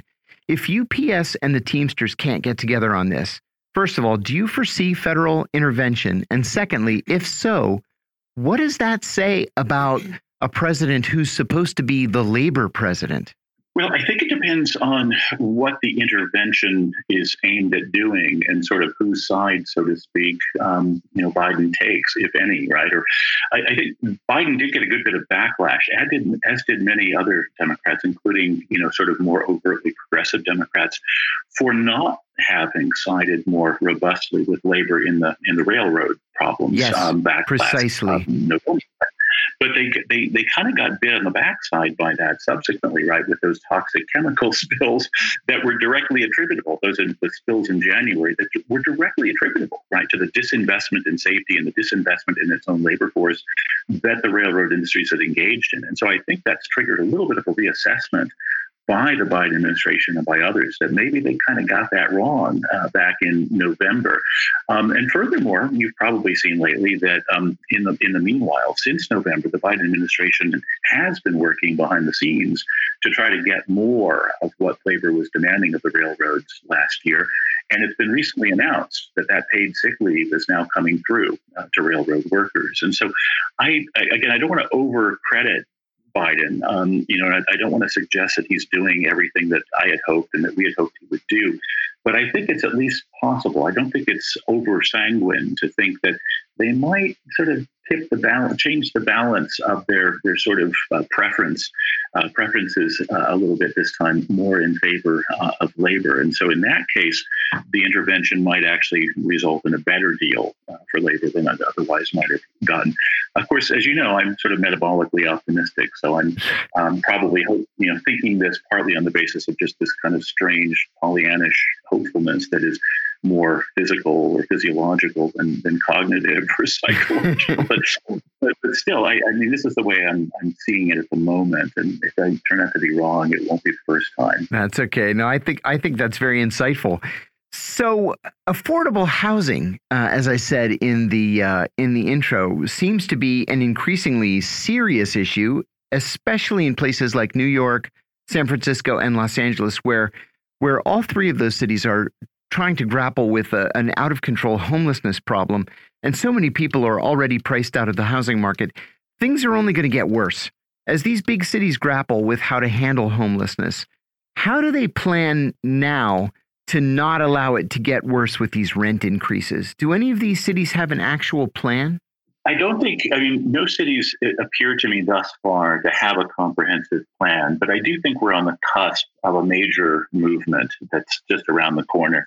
And the only real question is how helpful will the feds be in sort of facilitating it since feds have the feds have a less constrained budget, so to speak, and less constrained revenue sources than do most cities. But the, the movement, I think, is going to be uh, a movement toward the mass conversion of increasingly vacant commercial real estate properties to residential use. In other words, I think that local supplies of housing in cities are poised to you know, see sudden quantum leaps um, in, in the amount of or the number of units available as a lot of these properties start being converted.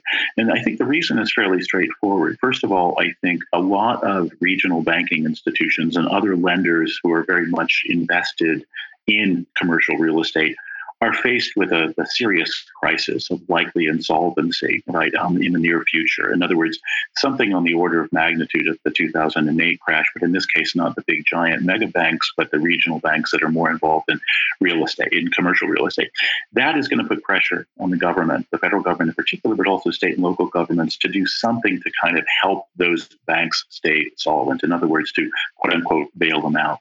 And a very easy way for them to do that in a way that's not costly uh, to the the public fisc, is essentially to quote unquote bail them out by buying off of their books the troubled commercial real estate.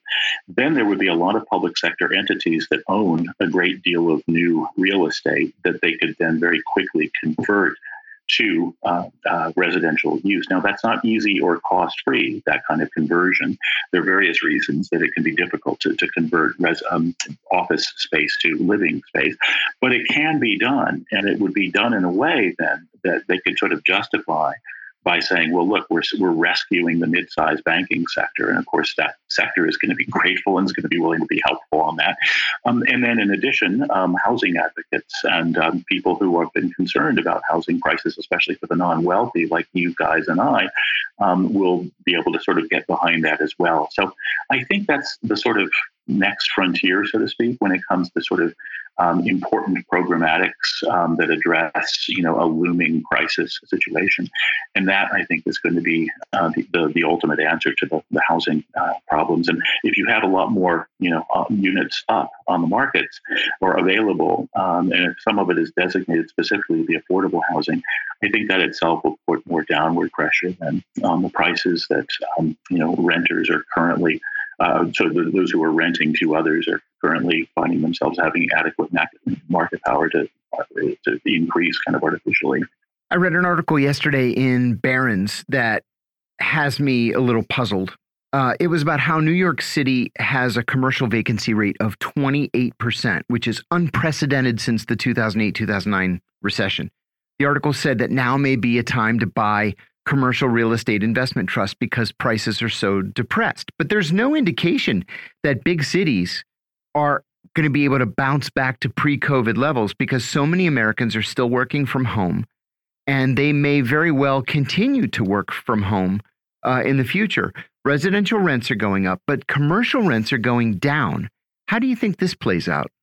Well, I think this is, you know, this is the, the classic, this is the ultimate source in a way of, of the, the, the likelihood of the movement that I just suggested is likely to happen. I think we have changed the way we work in large part. And furthermore, um, this actually dovetails with our earlier uh, chat about the labor market and, and where labor seems to be going. But one consequence of the fact that it's sort of a seller's market for labor right now, and that labor demand is robust and unemployment rates are low and wages and salaries are finally beginning to increase a little bit, one side effect of that is that this gives workers more bargaining power also when it comes to demanding the rights to work from home or work remotely, at least for portions of the weekly schedule, right? So I don't see um, the sudden drop in demand for commercial real estate ending anytime right. soon or even anytime in the foreseeable future. And that's precisely why the regional banks, not just banks like you know Silicon Valley Bank, but lots of other regional banks that are less involved with tech and more involved with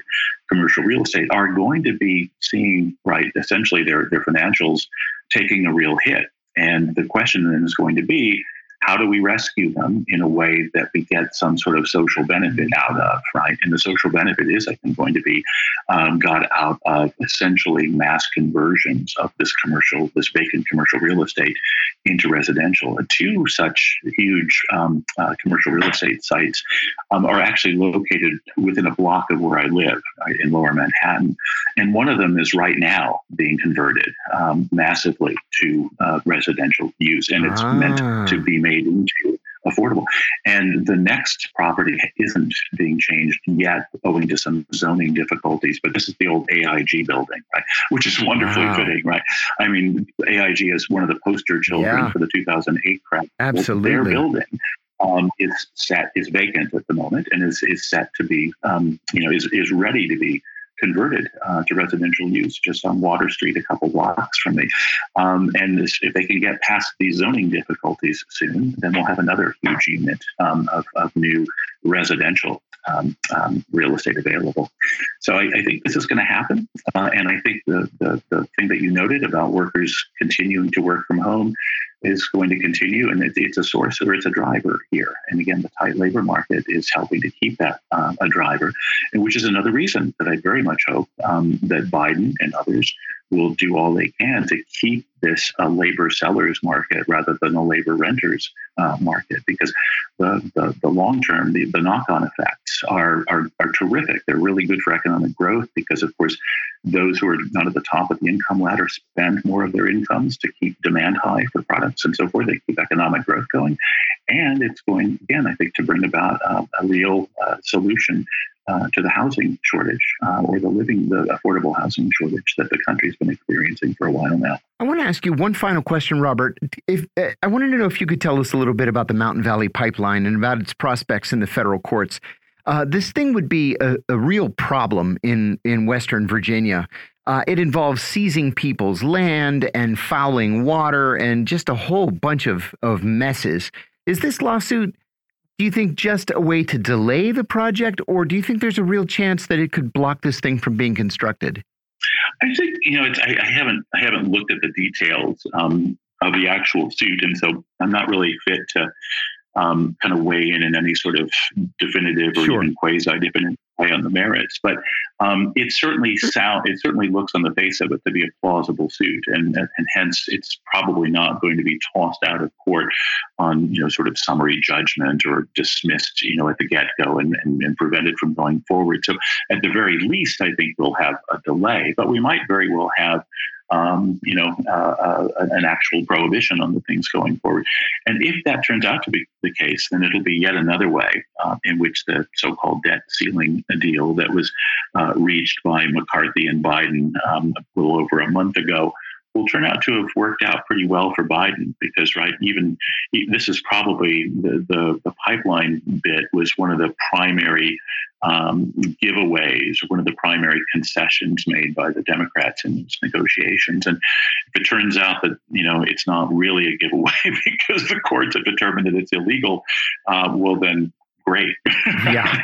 then the, the, deal that was reached looked even better. That's, of course, not in any way to undercut uh, or to sort of backtrack from the claim that we've talked about before that I've been making, which is that the debt ceiling is bogus and ought to be just eliminated altogether anyway. But but leaving that longer term matter to one side, as far as the sort of short term significance of the deal that was reached last month is concerned, uh, or I guess it was reached at the end of May is concerned, um, just makes the deal look even better for the, the forces of light against the forces of darkness. Robert Hockett, thank you so much for joining us. Robert is Edward Cornell Professor of Law and a Professor of Public Policy at Cornell University in New York. He's the senior counsel at Westwood Capital, and he's a fellow at, at the Century Foundation. I think we have time to take a short break. You're listening to Political Misfits right here on Radio Sputnik. Stay tuned. We'll be right back.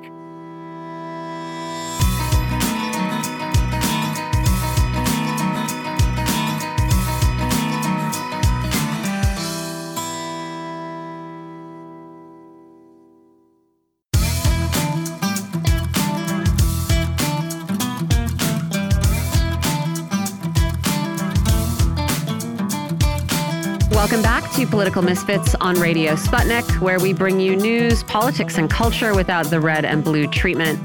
I'm Michelle Witte. I'm here with John Kiriakou. I think we're just going to call this last segment It's Bad News for Joe Biden. It's just bad news all around. Uh, but some of it, at least, is going to be fun for us, and I hope fun for our guest. We're joined by Tyler Nixon. He's an attorney, a pundit, and a writer who comments on issues related to civil liberties, civil rights, and the Constitution. Thanks for joining us, Tyler. Thank you, Michelle and John. It's always a pleasure to be one of the misfits. We're going to keep talking about cocaine at the White House because when someone gives you a gift, you you should really enjoy it, and it's too funny to drop just yet. Uh, especially because yesterday, um, well, Politico today is uh, contradicting our John a little bit. Politico is saying, yeah. uh, citing a source inside the White House, right. Uh, that well guys, there was so much traffic in this area where the cocaine was found. Yes. Many people have authorized access, visitors coming in for tours. It's going to make it really hard even if even if uh, you know we we have surveillance video but unless you're waving it around whoo boy I don't know um, the Secret Service told CNN that they are going to go ahead and fingerprint that bag yeah. and try and do some DNA analysis on it. I don't know I mean, contact DNA. I, I don't know how how good that is these days, uh, but we might find something. Uh, I, I, don't know. I feel like the chances of the uh, Secret Service identifying who this is might be pretty good. The chances of us finding out who this is may be a little bit lower. Uh, I don't know. What, what do you think of this whole story, Tyler? Well, I think it's a major distraction from the serious corruption of, of Joe Biden himself, mm. you know, mm. the president, um, for starters. But it's it's sensational, so it's you know you're going to find it in, in the head, right. in the headlines, and and of course, I don't know if any of you saw the uh, uh, the video. I guess it was during fireworks or recently where Hunter came out mm-hmm. and uh, on the the the uh, Truman balcony, I guess it would be, and apparently, uh, you know, people are saying he he basically did a bump of cocaine right on camera, right on the Truman balcony. Oh. He sort of ducked. He he walks out. First of all, he looks completely like someone who's strung out on cocaine. I mean, mm-hmm. he looks like he did years ago when he would show up at uh, you know two or thirty or three in the morning to uh, you know a friend at any one of our friends' uh, places. You know, we'd be hanging out after the bar shut down, mm-hmm. and um, so you know, I, it's I mean, it's really kind of irrelevant. I mean, we all know. I mean, what, what, would be the upshot of it? Is that he brought cocaine into the White House? Yeah, it's sort of. I, you know, honestly, I, I, I, for at first, when I first heard this, I didn't think it was him. No. Although um, now it seems to lead in that. I, I, kind of think, well, gee, I guess who else would it be? But then, I mean, I hate to say it, there's other members of the Biden family as well. Um, that are I mean, apparently there's the, the whole clan is staying there. Um, so, and you know, it could have been. I mean, I you know, I mean, his sister was had serious addiction problems as well. Um, I think she's might have cleaned herself up as far as I know, which you know, good for her. Um, but I would hate to think that any of the younger Bidens might be following in his, uh, you know, in Uncle or or Dad's, you know, footsteps yeah. um, as far as that goes. You know, sort of um, kind of the, uh, the the forbidden fruit kind of thing. I mean, it's DC. There's a lot of cocaine around. I feel like we could even we can look outside the Biden family too for suspects here. Sure. Yeah. Yeah. I mean, look, I, I mean, I guess uh, even if it was his, um, and he and they even caught him with it. What I mean, they have his own laptop with films of him weighing out large amounts of crack cocaine. Yeah. Now, obviously, possession is nine tenths of the law when it comes to Joe Biden's drug laws, um, but nonetheless, I guess I mean he, you know, he's being basically given a free pass on massive corruption uh, involving uh, you know influence peddling with his father, involving uh, uh tax evasion, mm-hmm. and and I mean I don't see what you know even if they did catch him with it, what what would happen? He'd he'd get diversion again. Yeah. But I mean I think it's I think uh, you know it does bring up with in addition to the video the fact that.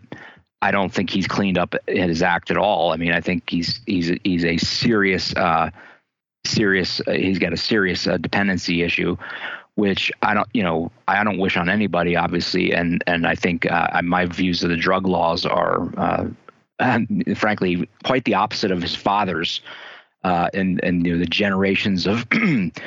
for example, inner city or uh, you know black communities that have been destroyed by his draconian, uh, insane, insane laws that he's foisted on the country, trying to one up the uh, up the uh, sort of the the Reagan Bush era uh, drug warriors, you know, the Jesse Helmses and the, and those ilk. Um, but that being said, he, uh, I mean, I just think it, it's it, it's what you get when someone who, uh, it, you know, grows up a Biden or grows up like he has, which is with total impunity. I mean, in high school, just out of senior year, he got busted with cocaine, and someone else took the fall for him. Um, I, I don't want to name the guy's name, uh, you know, for out of respect to him. But I mean, this this poor kid went down for for Hunter Biden's. Uh, you know, when he was just 18, and it's been this way ever since. Um, this is what you get when you have someone who is completely shielded from all accountability. Uh, you know, I mean, short of murdering somebody or committing a some sort of violent act. I mean, he's gotten away with uh, so much. It's just, uh, you know, why stop now? Yeah, and and that's where I think the public interest in this is legitimate, right? Because I agree with you. I don't see, I don't want to see anybody's life be turned over because they had a little bit of cocaine in there. You know, I don't care. I don't want to see people to go to jail. I don't care who it belongs to. It's a sort of funny story, and we don't get a lot of lighthearted news these days. But, you know, the extent to which powerful people are protected from actions that uh, cause immense suffering to the less powerful. And in this case, you know, it is a, the, this powerful family that's in the White House that's claiming to, you know, uh, advocate for a, a, a, um, equal justice under the law. You know, I think that's where the the public interest in this story comes in, right? What what is being or could be being covered up about the the behavior of the president's kids and then about his own behavior and the behavior of his you know what i mean like th that's on one hand, I don't I don't care what kind of drugs you do or what kind of person you are. Like, personally, you know, I think Hunter Biden seems like a bad, sleazy person. I don't want to be friends with him. Beyond that, I don't care. But if, you know, we have a, a, a president and administration that is, uh, you know, bending the rules to protect the ones they love, that's a, a slightly different matter. Though we'll go, uh, again, I don't think that's headline news, right? I think that also is is commonplace, and that goes to more than the Biden family, but the sort of structure, the, the structure of power in the United States. It, well, it's so brazen in the in the uh, in, with Hunter Biden. Yeah, it, it, I will say. I'll give you another example. I'll give you another example, and this isn't even related to the to the drug war. Mm. A good friend of mine from going way back to you know when we were in high school and earlier, uh, married uh, uh, a girl who my family grew up with uh, their parents. My parents were close friends um, in Wilmington, uh, and um, I'll use his name because he doesn't. Isn't my. His name's Chris Tigani, and he's uh, his family is in one of the two major liquor distributors uh, in, in Delaware, and he had wanted to help out Joe Biden's campaign, I guess, back in, you know, of course, was solicited to do so um, back in around uh, 2007, 2008, when Joe was, you know, running for president again.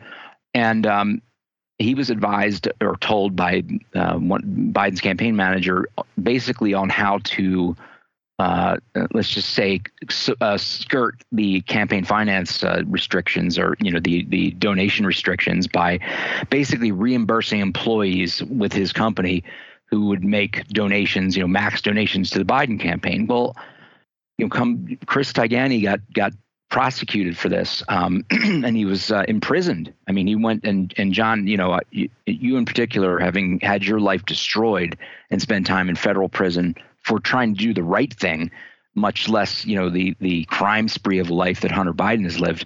Um, you know, he had, uh, Chris Tigani was was you know convicted of a felony and put away by David Weiss, no less. Um, and Weiss, and and uh, if you go, uh, it's at Chris Tigani is his uh, Twitter. He put up a thread asking David Weiss because Hunter Biden was charged with a misdemeanor in a tax evasion situation or tax situation where, I mean, it, it you know, comparably, again, no one has ever in the history of the IRS or in the history of Del- uh, the District of Delaware been charged with misdemeanors for the same offenses. Everybody's been charged with felonies in any uh, type of uh, situation like that. So it's totally unusual. You know, even just I mean, uh, you you know, on the face of it, without getting into the fact of uh, how much has been covered up and how much you know uh, delay and obstruction there was going on, much less the ultimate charges. Um, you know, there are people who I went to I went to prison, you know, courtesy of Beau Biden uh, for marijuana mm-hmm. and, and, ecstasy. Oh uh, you know, sm- like misdemeanor, but I but I had to go to prison basically in order to not be convicted of felonies. I could have which is ironic. You know, if you can plead to a felony, a more serious crime, and not go to prison, yeah. or you can you know, plead to the misdemeanors, and I had to do 60 days in uh, huh. in uh, Delaware in prison. I How mean, insane of a system do we have? I know, right? That's ridiculous. Yeah.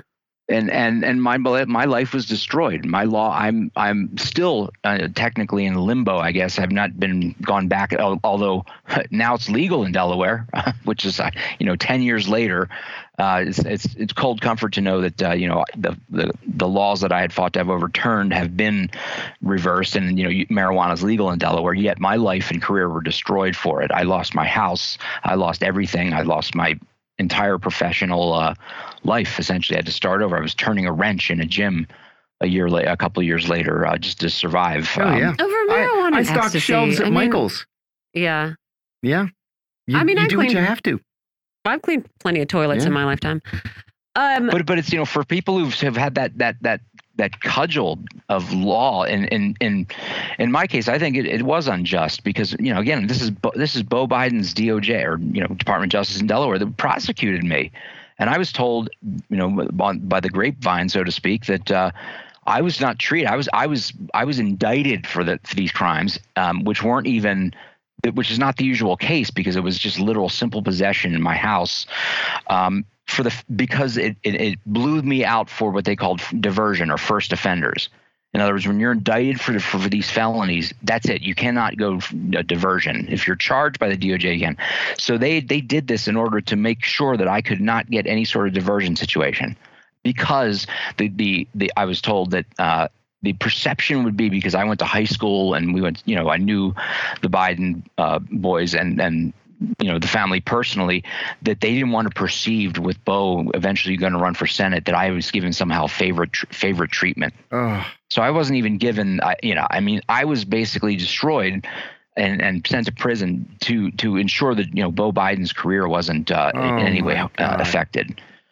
So you know that's that's just yeah. uh, you know that I, I any kind of sympathy I might have had for for the for these people yeah uh, is long gone. You know, I've on a human level.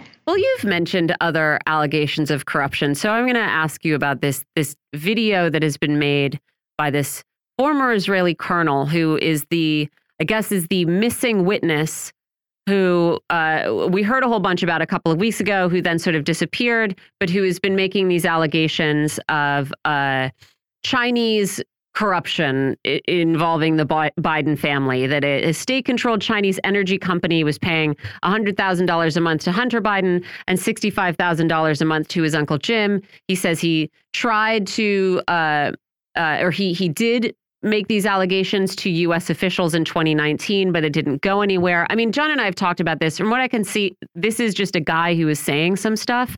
I don't know that there is any actual evidence. Agreed. I think that it is. I mean, tell me if there is, right? From what I can say, this is the man who's been making allegations. But what is odd to me is that uh, he he said in this latest video that uh, he, he was trying to make these allegations to sort of protect the integrity of, of U.S. politics and the U.S. political system and to avoid a repetition of RussiaGate. Only now it's China that's the bad guy. His connections to China just sort of flummox me, right?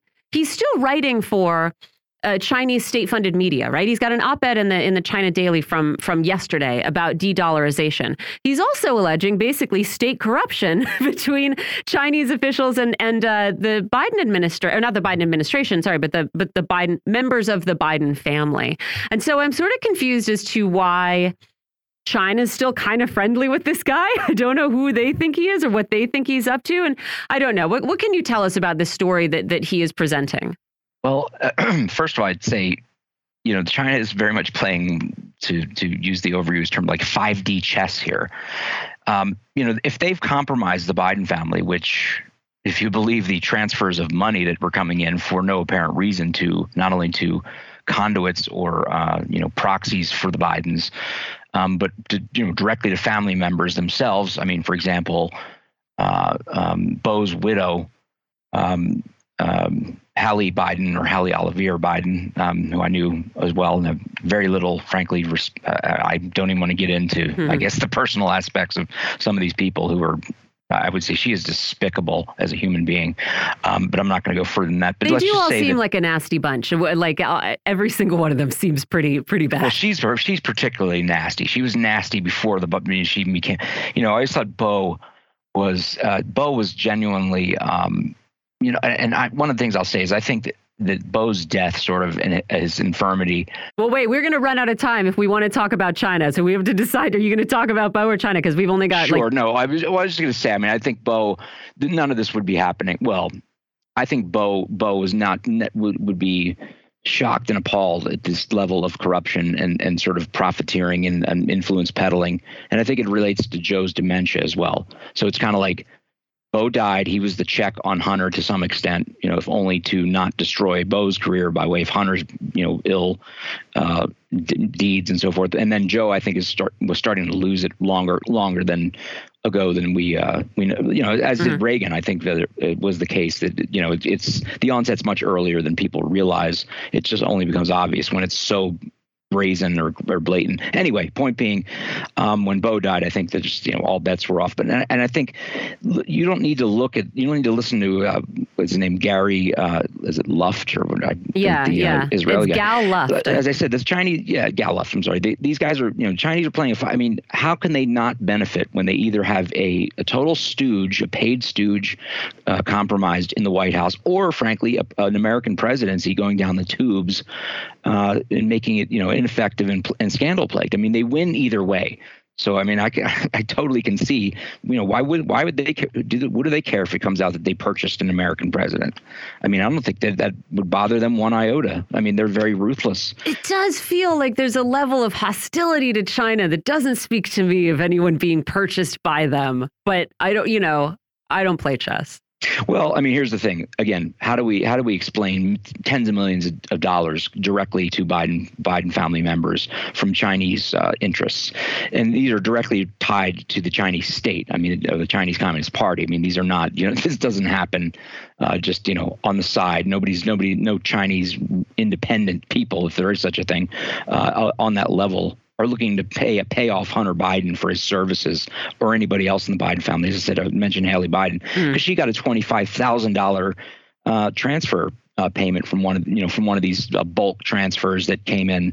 I think five million dollars to uh, to again a Biden sort of conduit, a, a, proxy. They had set up these companies, and I would urge everyone to check out uh, BidenLaptopReport.com. Garrett Ziegler uh, has done it, uh, become uh, good friends with has done really just a, a public service in exposing uh, and and frankly we see now coming out in the House committee these bank transfers that are inexplicable. The Bidens have no business outside of politics and American politics.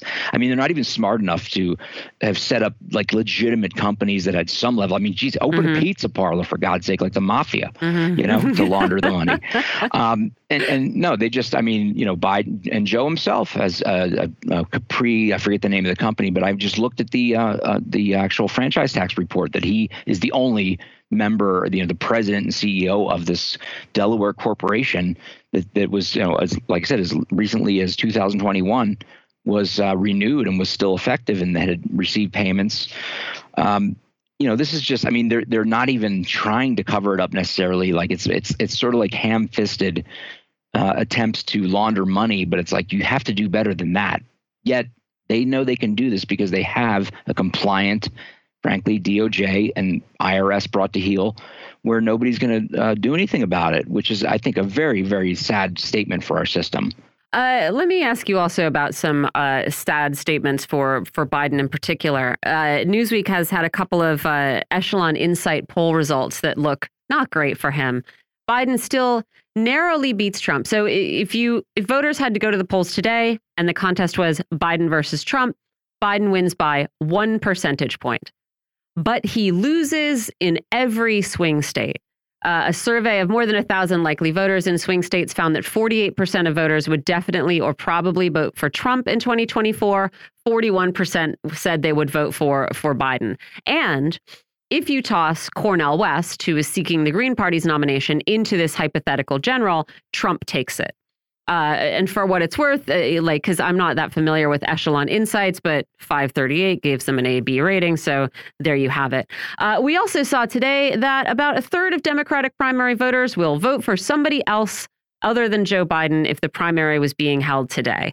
Also, unclear if the DNC is going to even be able to get its own primary schedule together because uh, New Hampshire is not letting go of that number one slot. So I guess Joe Biden's just not going to be on the ballot there, which is, I mean, I remember during the Trump administration, we would have a laugh over, they'd send out like you know, they'd issue like press releases that had typos in them. They'd like forget to book hotels and stuff like that. But I feel like not being able to get your your primary schedule agreed upon is is uh, approaching that level of of shambles. And so I just wanted to ask what what all of this says to you.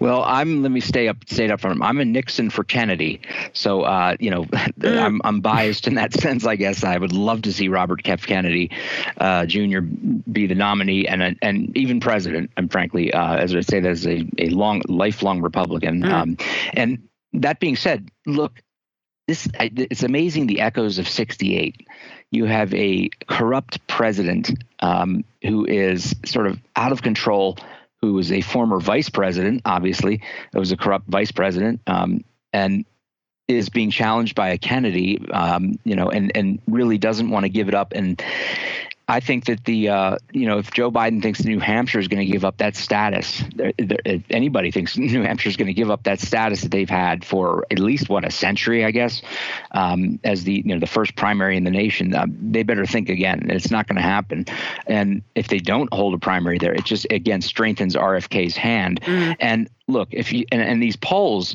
I mean, if they think that uh, you know if you if you look at the polling or the the data concerning who voted for Trump in 2016, I think what was it one out of two or maybe three Bernie uh, Sanders supporters did not vote for Hillary Clinton. They went and voted for uh, for uh, Donald Trump. Now, if they screw RFK, which I think they're going to try to do, and everything they can to do, and it succeed, think of how many disaffected Kennedy voters are, uh, are going to vote for Donald Trump just because, or just not frankly, vote, right? Yeah, just, exactly. Yeah. yeah, and and I, I honestly think that it's explosive. The fact that they won't they won't have Joe Biden, which you know I, everybody knows why they wouldn't have Joe Biden debate Robert F. Kennedy.